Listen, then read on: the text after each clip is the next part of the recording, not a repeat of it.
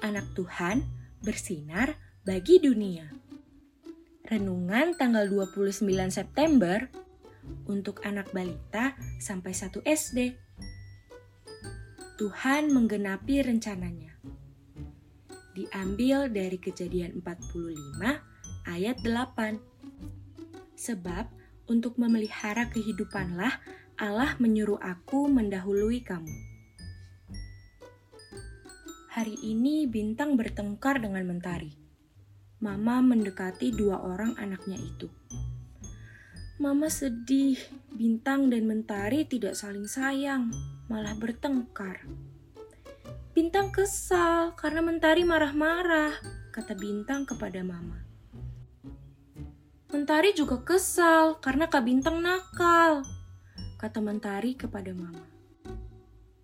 Ya sudah, kita pisahkan saja Bintang dan Mentari ya, supaya tidak bisa menjadi kakak dan adik lagi.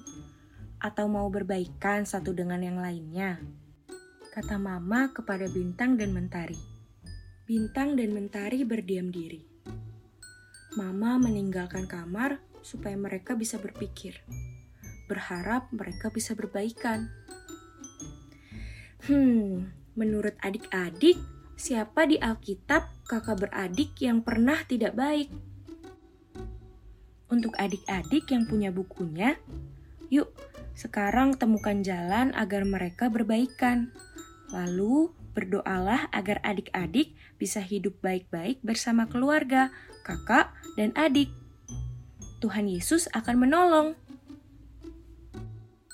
Mari kita berdoa.